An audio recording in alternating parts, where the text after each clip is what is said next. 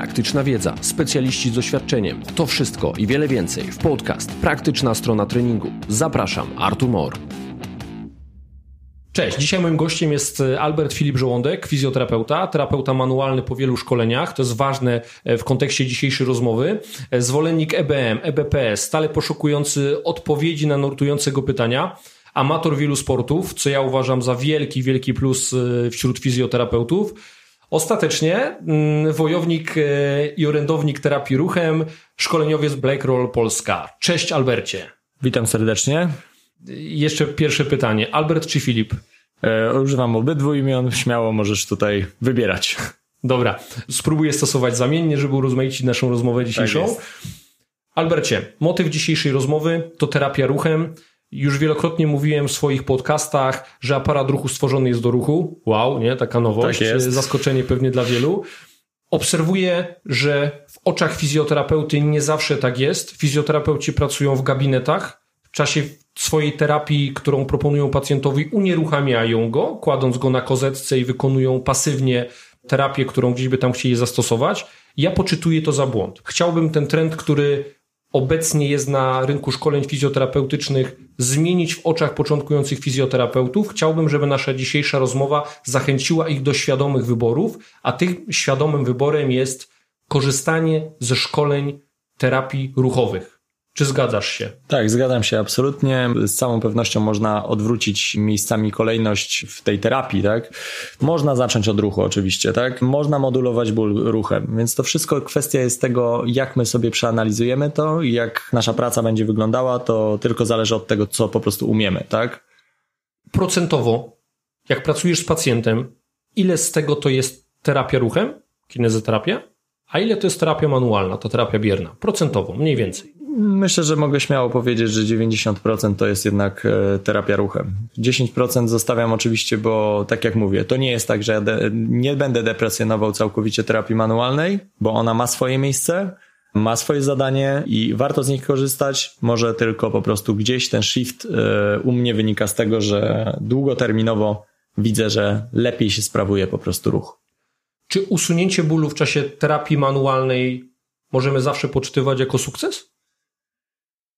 No dla pacjenta na pewno, tak? Ponieważ jest to największa gratyfikacja, która nas spotyka ze strony pacjenta i ten uśmiech i radość i właśnie polecenia w nieskończoność to jest, jeżeli nam się uda usunąć ból na jednej terapii, tak? I to jest, to jest też troszkę... Efekt wow. Tak, i to jest bardzo uzależniające. Natomiast y, kwestia taka, że no co dalej z tym, tak? Czy, czy, czy ten ból wraca? Właśnie, to jest, to jest chyba najważniejsze pytanie, bo dla mnie nie jest satysfakcjonujące, jeżeli po dwóch tygodniach, czy, czy to już i tak niezły czas y, przy niektórych efektach, mi się wydaje, niektórych terapii, ta osoba nie odczuwa dokładnie tego samego problemu, tak? Czy trzeba sobie zadać pytanie, y, na ile terapia manualna jest w stanie na stałe zmienić po prostu funkcjonowanie aparatu funkcjonowanie ruchu. aparatu ruchu, bądź też po prostu wyeliminować problem, czy to jest właśnie objawowo, czy, czy przyczynowo, tak? Podchodzimy do sprawy. Każdy specjalista robi na początku wywiad z pacjentem, próbując y, określić, co może być prawdziwą przyczyną jego dolegliwości. No i w przypadku, kiedy pracujemy z aparatem ruchu, ku zaskoczeniu wielu, to może być jakiś nieoptymalny ruch. To mogą być jakieś złe nawyki ruchowe w dniu codziennym, które przy danych predyspozycjach danej osoby, przy jego proporcjach kostnych, mogą niekorzystnie wpływać na jego aparat ruchu, mogą powodować, że pewne struktury będą przepracowane, będą stale przeciążane i w konsekwencji będzie to dawało dolegliwości bólowe. I teraz, czy fizjoterapeuci, aby na pewno dobrze potrafią prowadzić ten wywiad w kontekście analizy tego ruchu, który mógł doprowadzić do, do tych dolegliwości? No, tutaj generalnie wypadałoby zadać pytanie właśnie na ile znamy się na analizie ruchu, tak? Ponieważ... Nauczyli się tego na studiach? No właśnie, tu jest, tu, tu może być ten problem. Oczywiście my zawsze pytamy o wywiad też jest pełen, nawet ten, którego uczono nas na studiach, pełen pytania a propos tego, ile się ruszamy, jak się ruszamy i tak dalej. Natomiast umówmy się szczerze, że może bez późniejszej analizy ruchu, samego ruchu, tak? Może być trudno po prostu w samym wywiadzie wyłowić pewne rzeczy, tak? Więc oczywiście wywiad jak najbardziej, natomiast co dalej z tym wywiadem zrobimy na podstawie tego wywiadu, to jest już zupełnie inna kwestia, tak? Jeżeli przechodzimy do terapii manualnej, od razu po wywiadzie, okej, okay, no dobra, to jest też tak jak rozmawialiśmy, jest to rozwiązanie, ale pytanie, czy te mechanizmy, które powodują ból, te pierwotne, zostaną wyplenione, tak? I tutaj odpowiedź chyba nasuwa się sama. Jeżeli ja pracuję za pacjenta moimi rękoma, to czy ja mu wzmocnię dany mięsień, czy ja mu poprawię wytrzymałość, czy ja spowoduję, że rozciągnięty mięsień, który uległ osłabieniu w wyniku, nie wiem, iluś tygodni przyjmowania jakiejś pozycji, stanie się momentalnie silniejszy, no to tutaj chyba nie muszę odpowiadać. Powiedziałeś o sile. To nie jest trochę tak, że za wiele dolegliwości w naszym aparacie ruchu odpowiadają deficyty siły u takiej generalnej populacji? Że my jesteśmy po prostu słabi? Myślę, że dużo, dużo przede wszystkim e, problemów wynika właśnie z tego, że my te, tę siłę, którą mamy wyjściowo w tym statusie quo, tracimy w wyniku właśnie jakichś zmian w naszym życiu. Może to być. Typu życia. Dokładnie. Albo tak jak u mnie było, podkładania na przykład nogi pod tyłek jednej i siedzenia przez, nie wiem, okres iluś miesięcy w danej pozycji. Jedne mięśnie rozciągałem, drugie skracałem. Naturalna adaptacja. Powiedzmy, że moje tyły przyzwyczaiły się do danego wzorca. Tym bardziej, że siedziałem w nich więcej godzin niż e, realnie chodziłem wtedy, powiedzmy. Więc adaptacja po prostu. Także tutaj tej siły oczywiście będzie brakowało. Ja teraz nasunął mi się takie pytanie. Tu już nawet widać w mediach społecznościowych, że ty identyfikujesz się bardzo w ogóle z szeroko pojętym ruchem. Tu uprawiasz wiele sportów. E, widać, że jesteś człowiekiem bardzo, bardzo aktywnym, jeżeli chodzi o, o ruch. Czy to nie jest trochę tak, że właśnie to podejście do tego ruchu, to, że on był obecny w twoim życiu, sprawiło, że trochę inaczej na niego patrzysz? Czy jest może tak, stawiam taką hipotezę, że fizjoterapeuta, który jednak spędza czas w pozycji siedzącej, pracuje tylko w gabinecie, nie rusza się, nie uprawia sportu, nie jest aktywny, on jakby nie zrozumie tego ruchu i nie zrozumie potrzeb aparatu ruchu względem poruszania się. Tak, absolutnie się zgadzam. To jest mój postulat, który był od początku studiów nawet w głowie głoszony może, tak, bo, bo nie potrafiłem zrozumieć, dlaczego będąc nawet na AWF-ie tych zajęć tak jakby ruchowych i też zahaczających o, o diagnostykę ruchu, o wykorzystywanie tego ruchu jest tak mało bo samo to, że trenujące osoby mają lepszą, nie wiem, kinestetykę powiedzmy, trenujące jeszcze przekrojowo to już w ogóle, w sensie nie trzeba się w czymś naprawdę specjalizować, żeby często zrozumieć dany ruch. Więc dla mnie to jest zawsze wartość dodana u fizjoterapeutów i wręcz uważam, że fizjoterapeuta powinien. To jest moja, moje subiektywne zdanie, żeby się nikt nie poczuł urażony, ale powinien po prostu yy, hobbystycznie uprawiać jakiś nawet, sport. Tak, cokolwiek, dlatego że naprawdę to daje ta wyobraźnia ruchowa, ta nasza koordynacja, te połączenia, które się wykształcają wtedy w naszym ciele, naprawdę pozwalają nawet lepiej wytłumaczyć niektóre ćwiczenia, zrozumieć ich mechanikę, tak? Ja rozumiem, że biomechanikę można pojąć totalnie od strony podręcznika, e, czy też e, wykładu, ale dużo łatwiej jest naprawdę później to wszystko zaimplementować w pracy z pacjentem i też łatwiej mu to często wytłumaczyć. Po prostu. Dlaczego dla niego dany ruch jest ważny i dlaczego ćwiczymy te mięśnie, tak? Mimo, że to też nie, nigdy nie będziemy do końca pewni, prawda? Bo fizjoterapeuci też dużo bazują na zmiennych, tak? Mhm. I... Albercie, powiedz mi jeszcze jedną rzecz. Ty w swojej pracy w gabinecie edukujesz motorycznie niejako? Czyli uczysz ludzi, jak się mają ruszać? Jak wygląda tłumaczenie im, co jest dla nich dobre, co jest złe? Ja to pytanie zadaję trochę przez pryzmat swojej pracy, bo zaobserwowałem, że w pewnym momencie zacząłem trochę generalizować i uczyć ludzi się po prostu ruszać. Ja bazuję sobie na prostych schematach gdzieś wzorców ruchowych. Ja wiem, że one są uproszczeniami. Powiedzieć o tej biomechanice, przywołać ją do tablicy. Ja wiem, że rozpatrywanie biomechaniki, takie jakie my najczęściej robimy, jest wielkim uproszczeniem, bo siły w naszym ciele rozchodzą się we wszystkich kierunkach, we wszystkich osiach i płaszczyznach i, i zawsze to będzie uproszczenie, to co robimy na rysunku. Niemniej te wzorce ruchowe, nawet w kontekście tych wzorców siłowych, przysiady, jakieś martwe ciągi, te hip hinge z biodra i wykroki, zakroki, to pozwala mi systematyzować pracę z pacjentem. Ja go uczę na nowo obsługiwać swój aparat ruchu i u mnie to fajnie działa.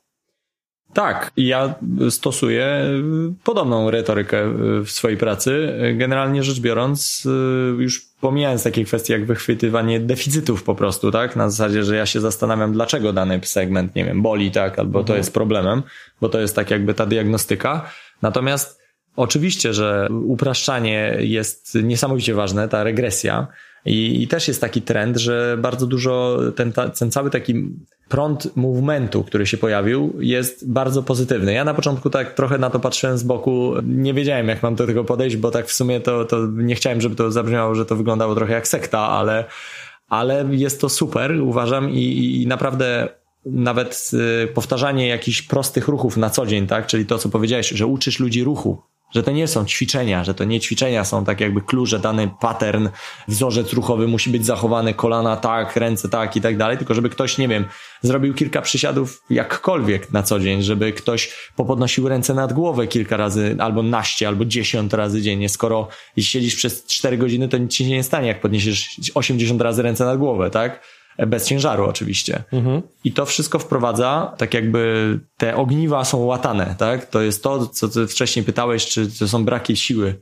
To są nawet niewielkie braki siły właśnie, mhm. takie jakby koordynacji, wytrzymałości wpływają na ten nasze ciało tak, że, że później trafiają oni do nas.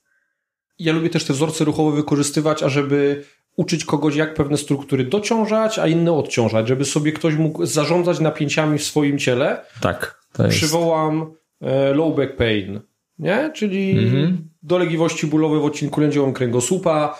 Bliski mi temat. Jeżeli ktoś ma potomka i zaczyna go wkładać do łóżeczka, wyciągać, operować cały czas przy nim, pracuje w pozycji zgięciowej, często zwieszony, no był już zmęczony, znużony, nie przykłada uwagi do tych pozycji, nagle się okazuje, że gdzieś te, te odcinek lędziowy kręgosłupa, te okolice prostowników grzbietu w dolnym odcinku zaczynają nie domagać. One po prostu raportują gdzieś tam swoje jakieś deficyty siły do tych wyzwań w postaci bólu. No i co w takiej sytuacji możemy zrobić? No i tutaj uczenie wzorca ruchowego takiego martwego ciągu, ażeby dociążyć biodro pośladek, no tak, oczywiście, tak. jest w pełni zasadne. Tak, albo podejście do tego, że długotrwałą adaptację, tak, Jefferson Curl i, tak, i jazda. Tak. Nie no, oczywiście. wybrać drogę ruchu, nie? Tak. Albo modyfikujesz wzorzec na taki, który będzie dociążał inne struktury, a odciążał tak, tą bolesną. Czyli będziesz tak, shiftować. Mm. Mm. Albo idziesz w stronę adaptacji. adaptacji. Skoro już chcesz całe życie lecieć w tym zgięciowej pozycji w odcinku lędziowym, no to wzmocnij się w niej, progresywnie przeładuj. Tak, natomiast to, co powiedziałeś, że może w wyniku tego, że ta osoba nadużywa tego wzorca, e, nie będzie do końca możliwe na przykład zaimplementowanie go od razu, tego nawet Jeffersona mojego, więc może rzeczywiście taki shift na zasadzie na hip hinge e, będzie tutaj bardzo dobrym rozwiązaniem, a w międzyczasie zacząć obciążać te struktury na odpowiednim obciążeniu, czy też po prostu zacząć je obciążać tylko z odpowiednią regresją, i zaadaptować. I tu mamy najlepszy chyba, tu mamy win-win, tak? Bo dwie techniki, nie dość, że się czegoś nowego uczysz, to jeszcze uczysz się, że ten wzorzec cię nie zabije, tylko może po prostu przesadziłeś w tym. Teraz powiedziałeś, wybierz dowolną drogę, jaką chcesz, byle to była terapia ruchem. Tak, tutaj tak, bo tutaj e, ja będzie taka parafra, parafraza e, tutaj, że jeżeli działa coś, to po co drążyć, tak? A propos, ale, ale zobacz teraz, nie? terapii manualnej. Tak? Powiedzieliśmy sobie o terapii ruchem w dwóch mhm. wariantach i shift i lub dociążenie i postawiliśmy znaki zapytania. A gdzie w tym wszystkim jest terapia manualna i porozróżnianie tego wszystkiego, co gdzieś tam jest e, bolesne albo co odpowiada za tą bolesność? I potem ta mama podnosząca dziecko wraca do domu, robi to samo, no bo to dziecko nie zniknęło w czasie tej terapii i ją zaczną te plecy boleć, czy nie? Na pewno będzie tak, że jak będzie wychodziła i przez następne nawet powiedzmy, że utrzymywa, będą się utrzymywały te efekty, ponieważ te napięcia, te kompensacje, które się nabudowały na chwilę, powiedzmy, że zostaną zdjęte, tak to ujmijmy, czy też po prostu ból zostanie zmodulowany, natomiast prędzej czy później to wydaje mi się, że to wróci. Tylko pytanie, zapytałeś też, gdzie tu jest miejsce na to? I miejsce jest tu na to, żeby ta pani, jak my jej pokazujemy te ćwiczenia i ona się schyli i będzie czuła ból i będzie czuła strach przed tymi ćwiczeniami, to na przykład, żeby tego bólu się na, na chwilę chociaż pozbyć, czyli właśnie ta, ta modulacja, e, żeby zaczęła ćwiczyć z czystą głową. Czy to jest potrzebne? To jest inna sprawa, bo moim zdaniem w tym konkretnym przypadku, który podałeś, dałoby się obejść bez tego, ale jak dobrze wiemy, jak wygląda rynek, jak wygląda podejście naszych pacjentów, nie zawsze się uda nakłonić kogoś do takiej drogi i niech to będzie ta furtka przez którą trzeba tego pacjenta przekonać, tak, żeby jednak wylazł poza strefę bycia ugniatanym, czy też bycia po prostu pasywnym, a nie aktywnym tutaj uczestnikiem terapii. Mhm. Ja to podzielam w pełni. To może powiesz, jak terapią manualną można sobie poradzić z entezopatiami takimi przewlekłymi chronicznymi. Odpowiadam, nie można sobie poradzić. Tutaj jedynie chyba co, co mi przychodzi to jest elektroliza przezskórna. Jeszcze potrafi gdzieś tam wywołać chyba takie zmiany i tę przebudowę dajemy tutaj szansę, bo tutaj powiedzmy, że była zawsze wymieniana jako, nie zawsze, ale jest pomocna.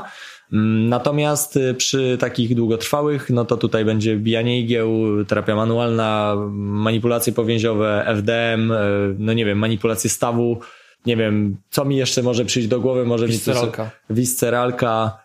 Eee, Sorry, musiałem. Nie? Tak, tak. Czasami to jest poza mną, ja tego nie potrafię skontrolować. Jasne. Myślę, że będzie trudno, ponieważ to są zmiany strukturalne z reguły i tego będziemy się tutaj e, w miarę się czepniemy, ponieważ entezopatia to jest wor, wór, tak? Czy też tendinopatia to jest wór, czy też problem, który jest spowodowany przez wiele czynników, więc tutaj oczywiście, że to musimy traktować wielopłaszczyznowo, natomiast mimo wszystko tutaj królem będzie terapia ruchowa i obciąg też... znowu load management. Tak. Królem też do dobrej diagnostyki prawdziwej przyczyny będzie analiza ruchu danej osoby. Tak. Kolano skoczka, tak, entezopatia, e, więzadło właściwego rzepki, które de facto pełni funkcję ścięgna. Jeżeli słabo wykonujemy skoki, przysiady z obciążeniem, ten wzorzec tych ruchów, o których mówię, nie jest optymalny pod nasze proporcje kostne, to zawsze to ścięgno będzie się przeciążało, zawsze będzie musiało wykonać większą pracę, aniżeli jest w stanie znieść. I nawet czasami dobra terapia ruchem, jeżeli nie zoptymalizujemy tych wzorców ruchowych, które wykonujemy na co dzień, może być niewystarczająca.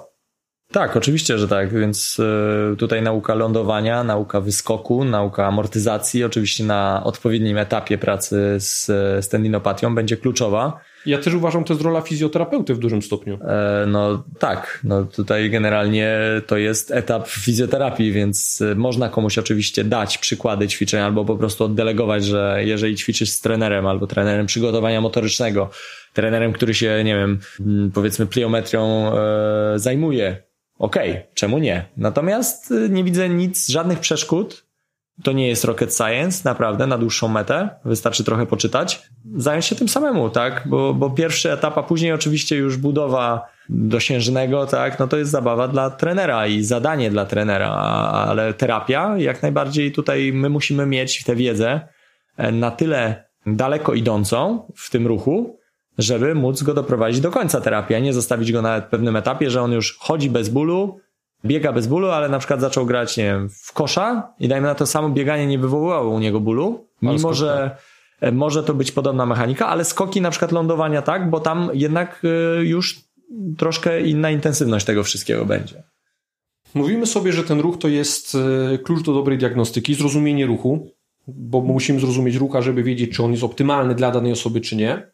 Terapia ruchem jest terapią najskuteczniejszą, bo jest działaniem u podstaw, i ja mam takie wrażenie, że ten trend na szkolenie się trenerów medycznych będzie niezłą konkurencją dla fizjoterapeutów, pomimo, że ja rok temu, gdybyś zapytał mnie, co ja sądzę o trenerach medycznych, to ja się tylko uśmiechałem, w ogóle takie jakieś wynalazki, trener medyczny, co to jest, w ogóle tych trenerów o różnego rodzaju się zrobiło pełno, ja się uśmiechałem, ale ten uśmiech mi z twarzy zszedł w momencie, kiedy zauważyłem, że trenerzy medyczni to są trenerzy, którzy rozumieją lepiej ruch aniżeli fizjoterapeuci. I to zaczęło być dla mnie niepokojące, bo może się okazać, że fizjoterapeuci będą po prostu mniej skuteczni. Generalnie no, rynek fizjoterapii pokazuje, że fizjoterapeuci nawet w tej w obecnej chwili przy ilości studentów, które wypluwa rok rocznie, e, każda z uczelni e, mają dość trudną sytuację rynkową, tak to delikatnie ujmijmy. Tutaj idąc w kierunku tych trenerów e, medycznych, tak, i odpowiadając na pytanie. Tak, myślę, że to może być e, pewnego rodzaju, może nie zagrożenie, ale na pewno właśnie odpływ e, albo w zasadzie mniej klientów pojawiających się u fizjoterapeutów może być wynikiem tego, że ci trenerzy medyczni ze swoją wiedzą będą potrafili po pierwsze nie będą panikować, gdy pojawi się ból. I tu jest znowu pytanie, czy oni powinni pracować z pacjentem bólowym, czy też z klientem bólowym ale będą wiedzieli, co jest realnym zagrożeniem. Że ból, który pojawia się jakiś niewielki nawet, będzie do wyprowadzenia ruchem, po prostu najnormalniej w świecie. A inna rzecz, w ogóle od tego powinienem zacząć, że oni mogą do takiej sytuacji w ogóle nie doprowadzić, dlatego że znajomość mechaniki właśnie pracy ruchem będzie pozwalała im na tyle bezpiecznie prowadzić tych swoich podopiecznych i, i plus ich cała wiedza z zakresu kształtowania siły, wytrzymałości, bo oni będą mieli tę wiedzę, bo oni się kształcą w tym zakresie z reguły, nawet z płaszczyzny trenera przygotowania motorycznego, gdzie się właśnie taką wiedzę na przykład nabywa już stricte, to wydaje mi się, że po prostu mniej pacjentów może takich e, trafiać e, po prostu na przykład z siłowni, tak? Mhm. Gdzie jako to nie będziemy mówić, ile to jest procent, bo wiadomo, to są nie do wykonania obliczenia, ani, ani no, też, szacunki możemy sobie tak tam grywać, nie? Natomiast y, chodzi tylko o to, że rośnie też świadomość ludzi z roku na rok i oni zaczynają sobie zdawać sprawę, że bardzo ważny jest ten ruch i, i też dbają ludzie o jakość tych swoich trenerów, y, których zatrudniają, których chcą, żeby się nimi opiekowali. Więc tak, y, myślę, że to może być problem, ale tu kwestia jest fizjoterapeutów, co z tym zrobią. Czy pójdą w stronę tak jakby roztaczania aury tajemniczości i metod, których nikt nie jest w stanie zrozumieć i na tym bazując, oczywiście efekty też e, są ważne, ale ta aura tajemnicy otaczająca fizjoterapię, czy też e, terapię osteopatyczną, czy o, też o. visceralną, tu jest duże pole do manewru jeszcze. Ja uważam, że to jest bardzo złe, że my nie dajemy otwartego sprzeciwu dla popularyzowania jako ważnych właśnie terapii visceralnej, właśnie tych wszystkich terapii osteopatycznych, tych wszystkich PDTR-ów i innych rzeczy, które w jakim stopniu może jej pomagają, ale jednak one nie są niczym, jeżeli skonfrontujemy je z e, nauką świadomego ruchu, jeżeli skonfrontujemy je z koncepcją siły mięśniowej. To jest niesamowite, że fizjoterapeuci zaczynają grzebać w narządach wewnętrznych, a nie wiedzą nic o komponencie siły mięśniowej, pomimo że ta siła mięśniowa powinna być cechą motoryczną, która jest im najbliższa z uwagi na to, że w większości pracują z aparatem ruchu. I to jest, to jest niesamowite, nie? że pracujesz z aparatem ruchu, na tych mięśniach pracujesz, tak? Tak jest. A o tej sile, jak zapytasz fizjoterapeuty, to on wie, że ona jest, że jest siła mięśniowa, ale żeby coś więcej, jak ją kształtować, co to jest ten progresywny właśnie overload? Mm -mm. To już niekoniecznie. Znaczy progressive overload to się kojarzy tylko z siłownią i z pompowaniem. E, dla wielu niestety fizjoterapeutów też. Jest to odstraszające też dla wielu pacjentów, umówmy się. Natomiast te wszystkie metody visceralne, właśnie osteopatia, PDTR, kinezjologia stosowana, terapia manualna, terapia tkanek miękkich, tak? Tak jak ja mówię. Ja tu przyjmuję może trochę mniej taką e, tą radykalną, radykalną postawę ja uważam, że to na wszystko jest miejsce i w niektórych przypadkach nawet fajnie e, to nawet nie tyle uzupełnia, co toruje właśnie e, przejście dla, dla ruchu późniejszego. Jest to komplementarne, natomiast stopień, w jakim to się eksponuje, że to była główna komponenta pomagająca komuś, tak, że nie wiem, ktoś 20 lat chodził, nie wiem, z ręką nie mógł jej podnieść do góry i wiadomo, po jednej terapii wyszedł i nagle ta ręka poszła do góry tylko pytanie, jaka funkcja jest tej ręki nadal po podniesieniu do góry, tak? Czy to podniesienie do góry to było kluczowe, czy na przykład wyjęcie szklanki teraz e, albo kilograma mąki z najwyższej półki będzie tutaj benchmarkiem tego. Mhm. Więc może rzeczywiście nie powinno się tego stawiać na pierwszym miejscu jako pierwsze szkolenia, nie wiem, bo mamy no, system szkoleń w Polsce wygląda jak wygląda, system edukacji wygląda jak wygląda, że jednak pchamy się na te szkolenia, bo chcemy wiedzieć więcej. Ja osobiście Lubię też y, kończyć szkolenia gdzieś tam z zakresu tych moich zainteresowań, właśnie tutaj ten staw ramienno-łopatkowy na przykład na tapecie, czy właśnie jakieś na przykład zarządzanie bólem, tak, mhm. czy właśnie analiza ruchu. Natomiast jest rzeczywiście taki, tak jakby eksponowana mocno ta terapia manualna na pierwszym miejscu i, i, i to może nie do końca, to tworzy taką wizję, że jak się nie ma gdzieś tam tej terapii manualnej, to się już nic nie zrobi, bo mhm. przychodzi ktoś i co ja mam z nim zrobić? Przecież ja nie umiem żadnej techniki, nie umiem znaleźć densyfikacji, nie umiem znaleźć zepsutego receptora, tak? Y, no, zepsutego receptora. No tak to kolokwialnie. Zepsutego receptora i agresywnej wątroby. Tak, a może ten pacjent nie ma tej agresywnej wątroby i może u niego e, kwestia jest właśnie pokazania mu to, co powiedziałeś, może tego ruchu, może nauczenia go może porozmawiania z nim na temat tych problemów, które on ma e, z tym aparatem ruchu właśnie. Ty jesteś fajnym przykładem osoby, która nie od razu krytycznie poszła w stronę terapii manualnej, tylko przerobiła od groma tych szkoleń związanych y, właśnie z tą terapią manualną. Nie? I teraz to, to jest trochę taka jak twoja metoda prób i błędów, czyli przerobiłeś ogrom tych metod Dokładnie i koniec tak. końców wylądowałeś z tą terapią ruchem, z tą kinezyterapią. I to powinno dać do myślenia młodym fizjoterapeutom, dać do myślenia, żeby zaoszczędzić im trochę tej drogi, którą ty przeszedłeś, no bo twoja droga pewnie cię tak z z grubą kasy już kosztowała. Tak, oczywiście, że można posłużyć się moim czy też Twoim przykładem jako takiej drogi do tej terapii ruchowej, natomiast no nie zapominajmy, że oprócz nas jest jeszcze dużo też starszych od nas osób z bardzo dużym dorobkiem, które nadal mimo wszystko po iluś latach pracują na przykład tylko tymi swoimi technikami ulubionymi i często jest to tylko na przykład terapia manualna. No i teraz kto jest mądrzejszy? My czy oni, tak? Kto ma tutaj rację? To jest, to jest mi się wydaje, że z tego wynika. Ta siła autorytetu jednak niektórych e, ja miałem okazję poznać też powiedzmy, że kilka takich osób, no między innymi na przykład twórcę Kinetic Control, jednego z twórców e, Marka Comenforta z, na przykład z Australii. Uważam, że świetny gość personalnie, ale też dużą wiedzę miał na temat właśnie biomechaniki, pracy ruchem. Australia słynie z tego, tak jak rozmawialiśmy tutaj, tego nie było akurat podanego, ale w Australii podział jest na fizjoterapeutów i exercise physiologists, tak? Czyli mamy rozdzielenie terapii ruchem i terapii manualnej. Terapia manualna, fizjoterapeuta robi terapię manualną, tylko. Oni tam w ogóle fizjoterapeuta nie ma pojęcia o ruchu. To jest moim zdaniem straszne i mam nadzieję, o. że to nigdy do tego nie dojdzie w Polsce, bo to jest jakby zrobić studia teraz z, z właśnie w Polsce z, z kinezyterapii. I jak zawsze z obecną tą retoryką, jaka jest e, na rynku pacjenta, to i tak część będzie uważała, że ta terapia na przykład ruchem, przepraszam, terapia ruchem jest gorsza, że wymaga mniej wykształcenia.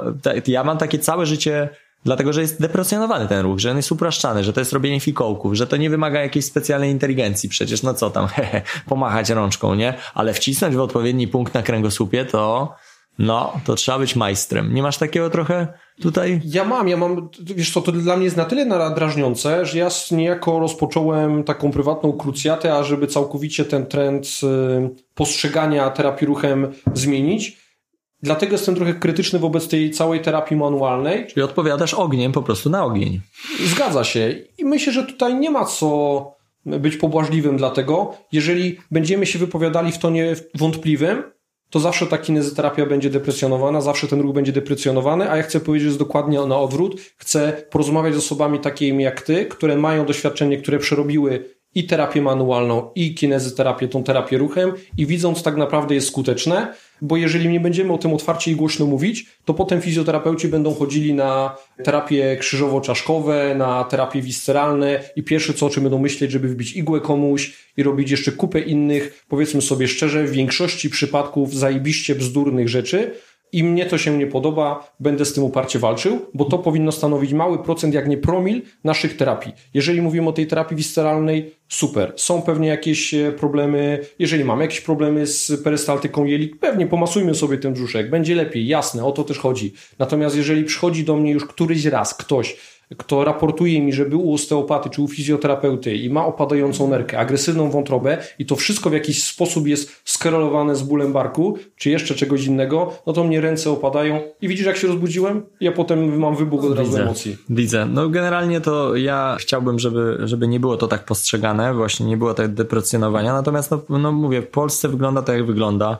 Ja też mam takie wrażenie, że na przykład dużo osób postrzega osteopatię jako upgrade od fizjoterapii, to jest downgrade I, jak cholera. I trudno się tu dziwić. Dlaczego? Dlatego, że na studiach nie pozyskujemy metod pracy de facto. To jest najbardziej chyba bolesne dla mnie, że właśnie fizjoterapeuci później wychodząc po tych studiach i tak szukają drogi, bo jeżeli fizjoterapeuta ma skończone studia, ale nie ma w Polsce skończonych kursów, oczywiście można się uczyć na własną rękę. Ja tego też nie, nie będę tego negował, tak? Ale umówmy się, wiedzę naprawdę można zdobyć w skondensowanej formie u źródła, tak? Często u twórców metod. Natomiast chciałbym, żeby to nie było tak, że osteopatia na przykład wygląda tak, że się uczą konkretnie jakichś metod, dane przerabiają i tak dalej. Mimo, że to jest zupełnie inna praca niż tą, którą my oferujemy po prostu nawet ruchowo, tak? Czy lepsza, czy gorsza? To już kwestia jest oceny. Ja się trzymam swojego, ja wiem, co ja jestem w stanie pomóc komu, tak? Zrobić. Jesteś fizjoterapeutą. Większość osób trafia do ciebie z problemami związanymi z aparatem ruchu, czy nie? Tak, zdecydowanie. No, tak jest, ja wiem, że są fizjoterapeuci neurologiczni, są pulmonologiczni, są różne specjalizacje, tak w które jest. możemy sobie pójść. Niemniej większość osób trafia do fizjoterapeuty, tak samo jak do ortopedy, najprawdopodobniej z problemem z aparatem ruchu. Tak. Więc nauczmy się działać z tym aparatem ruchu i, i skończmy iść we wszystkie inne układy i na końcu dopiero pomyśleć, a jeszcze jest ten aparat ruchu, nie? Może tak. w tej terapii coś zrobię z tym aparatem ruchu. Wow. I tu, tak jak mówię, nie ma tu nic złego, tak jakby w osteopatii, w terapii wysceralnej według mnie, w igłach, bo to chodzi o to, że każdy z tych elementów będzie sobie działał, tylko kwestia tego, kiedy my potrzebujemy tego użyć. Bo jeżeli ktoś proponuje mi terapię, e, igłoterapię na mój bolący bark i wiem, że ten bark boli mnie już od ładnych kilku miesięcy, to ja osobiście, jako osoba, która przerobiła temat tego stawu dość e, dobrze. Dlaczego? Na sobie przede wszystkim, ponieważ Czyli też... bolało cię. Oczywiście, bolało i to bolało bardzo, bolało przez ileś miesięcy, do tego stopnia, że nie mogłem też trenować, e, a to było dość dla mnie bolesne mentalnie. Wszyscy jesteśmy narcyzami. Tak jest. Natomiast kwestia jest taka, że już teraz wiem, że i to nie chodzi o to, że u mnie to działa, tak, bo to bardzo fajny argument, jak zawsze z mojego doświadczenia wynika, że tylko po prostu stojąc nawet e, murem za tym badania, po prostu, że praca fizyczna, e, przepraszam, ćwiczenia fizyczne po prostu na bark jest to recepta na staw ramienno-łopatkowy najlepsza droga.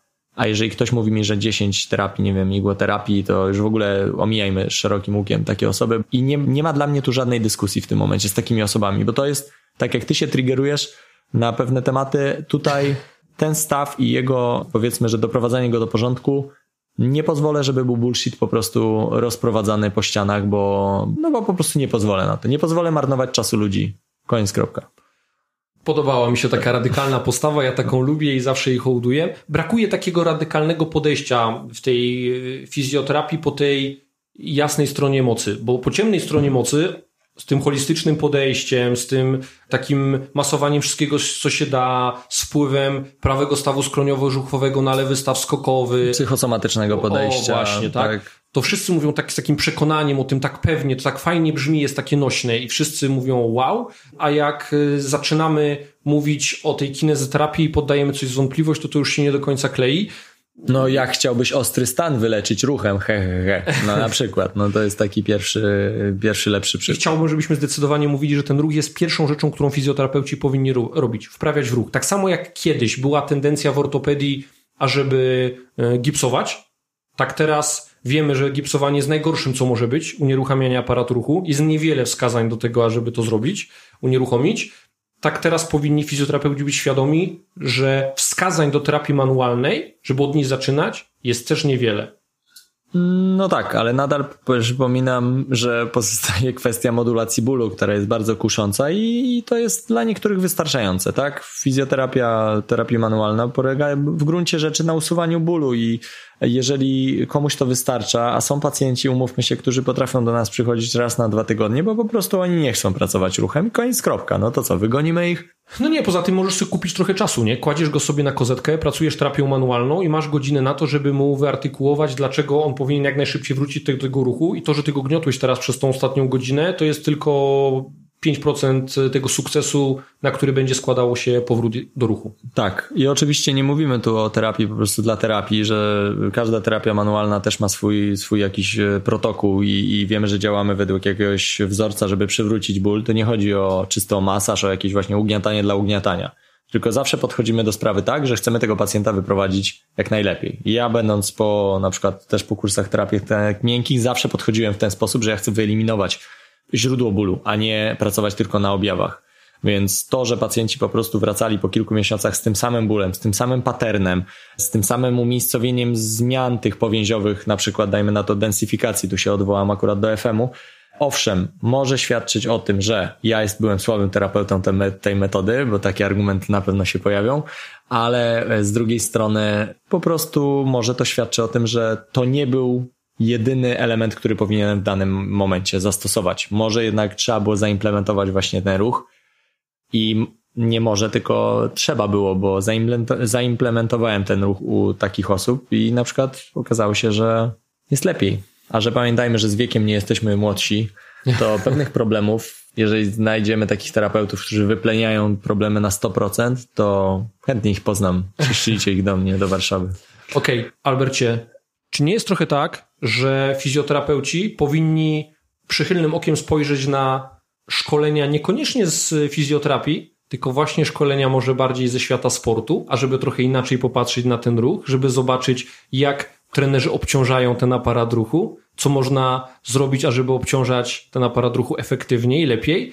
Dla mnie takim punktem przełomowym w mojej karierze było właśnie odkrywanie różnych dyscyplin sportowych, było nawet odkrycie tego prostego, przyjemnego w aplikacji treningu siłowego, nawet w tym ujęciu trójbojowym czy dwubojowym, to było panaceum na wiele dolegliwości, z którymi trafiali pacjenci e, do mojego gabinetu. E, ja zauważyłem, że lepiej mi się z nimi pracuje na sali, właśnie wtedy, wtedy kiedy odkryłem ten sport, zwłaszcza w takim ujęciu siłowym. Tak. I tutaj będę też pewnie reklamował kilka placówek w Polsce, bo tego no sam się... się... Sam szkolisz, nie? W tym? Tak, sam szkole. E, co prawda u nas jest e, sześciodniowy, razem z Mariuszem Dzięciołem mamy e, moduły w ramach Black Roll Terapii. Oczywiście też zachęcam wszystkich zainteresowanych trenerów, ale też fizjoterapeutów. Natomiast to, co mogę oprócz tego powiedzieć, jest to niesamowicie ważne to, co ty mówisz, ponieważ ja sam właśnie w takim kierunku gdzieś się rozwijam, rozwijałem, cały czas jestem jestem tutaj głodny wiedzy i uważam, że to jest bardzo dobre rozwiązanie, tak? Czyli na przykład szkolenia takie jak, nie wiem, organizuje się na przykład z analizy ruchu, tak? Czy też właśnie jakiegokolwiek, jakiejkolwiek dyscypliny, bo to nam daje dużo większe, szersze podejście. A jeżeli w ogóle jeszcze mamy kontakt ze sportowcami, czy też z ludźmi, którzy z danej dziedziny są, to jest w ogóle już strzał w dziesiątkę, tak? Czyli mamy przygotowanie motoryczne. Uważam, że to jest opcjonalne, ale bardzo fajnie posiadać taką wiedzę na temat tego, że przychodzi do nas biegacz, i zaczyna nam opowiadać o swoich obciążeniach, tak? O tym, jak on pracuje, nie wiem, z akcelerometrem, tak? I już mamy tutaj pewnego rodzaju, powiedzmy, że wizję tego na przykład, dlaczego dana kontuzja się odnawia. Też to zaobserwowałem, że trenerzy przygotowania motorycznego mają lepszy ogląd na to, jakie są realne, prawdziwe przyczyny kontuzji u sportowców, aniżeli fizjoterapeuci. Dlaczego? Bo jeżeli trener przygotowania motorycznego ma sportowca i jest kumaty i zada sobie pytanie, kurczę, dlaczego on ma któryś raz wraca mu to kolano skoczka, które już przywołałem wcześniej. Tak jest. I zaczyna drążyć temat, to napotka na wiele fajnych publikacji, wykładów, szkoleń, które próbują na to pytanie odpowiedzieć i przy okazji on zacznie leczyć przyczynowo, czyli zmodyfikuje, czy wzorzec ruchowy, czy ten load management będzie lepszy i nagle tak się okazuje, że trener przygotowania motorycznego jest lepszym terapeutem dla danego sportowca niż terapeuta manualny w gabinecie. Dokładnie i tutaj właśnie dlatego takie szkolenia jak na przykład ludzi, którzy propagatorów ruchu, tak, czyli na przykład właśnie analiza ruchu według, nie wiem, australijskiego systemu właśnie Kinetic Control, czyli tutaj Fizjosport w Rzeszowie. Mamy Karola Szapela, który razem z Karolem Kruczkiem gdzieś też pracują dużo nad właśnie tym obciążaniem, tak, czy też nawet praca z entezopatiami gdzieś tam się przewija. Mamy systemy oparte właśnie o analizę ruchu też i nakładanie na to jakichś e, innych systemów, typu na przykład Instytut McConnell, gdzie tam jest na przykład, no nie wiem, wiem, z takich ciekawostek sztywny, sztywny taping, który na przykład potrafi odciążyć dany staw, ale to jest tylko dodatek, to nie jest esencja samego kursu, ale to są takie ciekawostki, które gdzieś na przykład paradygmat pracy z pacjentem trochę zmieniają, dają nam większe możliwości i dają czas. Przede wszystkim czasem, który jest potrzebny do na przykład nakłonienia kogoś do tego, żeby zaczął ćwiczyć. E, czy też Adam Mikins, nie wiem, no mamy Corkinetica, tak nawet na Instagramie warto takich, takie osoby moim zdaniem obserwować, bo one bardzo dużo wplatają w ruchu całościowego podejścia, nie holistycznego, tylko po prostu analizy. Dlaczego ludzie się nie chcą ruszać? Dlaczego tak? Dlaczego, gdzie to ten ból w tym wszystkim jest? Gdzie jest ich psychika? Dlaczego sam ruch może być wytłumaczony w sposób, może być prosty, ale to nie znaczy, że on jest prostacki, tak? Bo tutaj nie da się do końca chyba tego przetłumaczyć z angielskiego, tak? Że jak coś jest simple, to nie znaczy, że jest easy. No to no proste wykonanie, no może da się to przetłumaczyć. Może ja, no. Tak, tak, tak. Chodzi o sam fakt e, właśnie tego, żeby odczarować ćwiczenia, żeby one nie były traktowane przez naszych pacjentów jako jakiś taki bzdet, który może dać nam każdy, tylko jakby mógł dać nam każdy, to byśmy mieli te ćwiczenia w ręku i wiedzieli, co mamy robić, a nie dwa, trzy ćwiczenia na krzyż, albo odwrotna sytuacja, że ktoś dostaje 50 ćwiczeń, bo taka sytuacja też miała miejsce w historii, więc i, i ten pacjent biedny nie wie, co on ma zrobić, a przychodzi po terapii manualnej, my się zajmujemy, przejmujemy całą funkcję.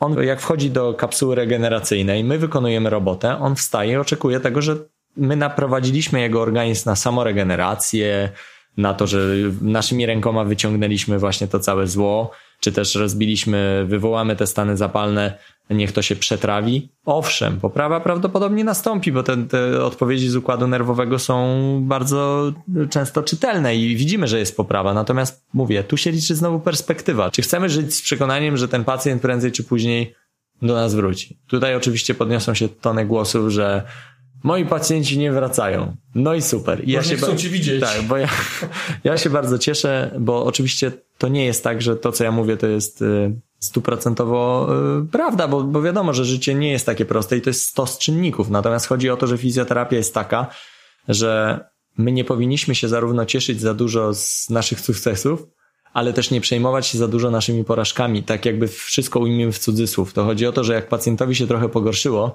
to nie znaczy, że my jesteśmy słabi, ale też jak zrobiliśmy i coś wyszło fajnie, to nie znaczy, że to jest już koniec terapii, tak? Więc tutaj dystans i to nie chodzi o to, żeby być całe życie niezadowolonym z siebie, ale e, racjonalnie podejść do tematu i po prostu zrozumieć ten system, że nie ma jasnych rozwiązań, są tylko trochę bardziej skuteczne, trochę mniej i trzeba sobie to wybrać, tą drogę, powiedzmy, która nam bardziej pasuje. Tylko ta droga musi opierać się jednak o taką naszą krytykę i powątpiewanie. Nie tak. możemy ślepo wierzyć w metody, systemy, bez względu na to, jaki autorytet je propaguje, tylko bądźmy krytyczni. Dokładnie, tutaj krytyczne. No myślę, że to jest ta analiza. No, pracujemy daną metodą i jeżeli widzimy, że są dobre rezultaty, ok, zadajemy sobie pytanie, dlaczego to działa. Zaczynamy dłubać, później się zaczynamy powątpiewać, bo widzimy, że na przykład w części pacjentów, których, u których wzorzec się, ten pattern cały tych symptomów się powtarzał, niekoniecznie to działało. To może zaczynamy sobie zadawać pytanie, czy to na pewno to, że ja rozcierałem ten punkt, zmanipulowałem ten staw, podziałało, czy może jednak na przykład, nie wiem, jego życie prywatne miało wtedy większy wpływ na to i ja tego też nie neguję, bo... Albo po prostu minął czas. No, a ktoś powie, że no to na pewno, że ruch tu nie pomógł. No, no owszem, zdarza się, że ruch to jest za mało. Mamy przytłoczonych ludzi po prostu tak wieloma czynnikami. No, no wiadomo, że to w tym momencie to i żadna terapia może nie pomóc, tak? Więc oczywiście nie możemy dać się w tym wszystkim zwariować, natomiast ruch tutaj moim zdaniem jest kluczowy. Mamy na to poparcie wielu badań, i tak jak wielopłaszczyznowy ruch potrafi wpłynąć na ciało, to często może być rozwiązaniem naprawdę wielu problemów. Co cały czas próbuję na przykład przekładać, publikując różnego rodzaju posty na temat tego, jak na przykład ćwiczenia fizyczne, nie nazywam tego ćwiczeniami terapeutycznymi, tylko po prostu ruchem, treningiem, e, bo do tego się fizjoterapia ruchowa sprowadza e, na późniejszym etapie oczywiście, jak potrafi zmienić i pomóc w różnego rodzaju dolegliwościach na przykład. Nie ma poza tym jasnej granicy między rehabilitacją a treningiem. Czasami fizjoterapeuta po prostu musi być trenerem. Zgadza się. To jest, to jest, to jest chyba dość ważne, właśnie to, co teraz powiedziałeś. I tu jest te pole do manewru dla tych e, trenerów medycznych, bo to jest bardzo cienka granica następnie między fizjoterapeutą a trenerem. I tutaj można przechwycić od fizjoterapeuty bardzo dużo pacjentów po prostu.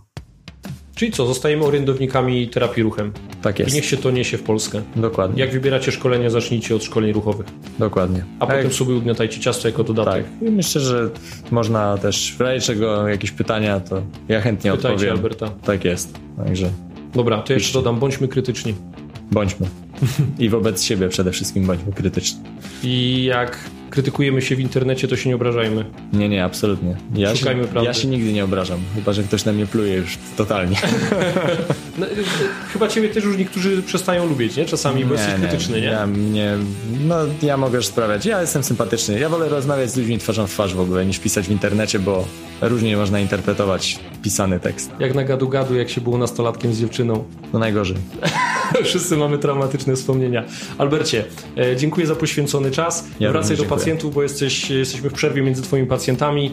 Powodzenia w terapiach i do usłyszenia, mam nadzieję, w kolejnym podcaście. Do usłyszenia. Dzięki. Cześć.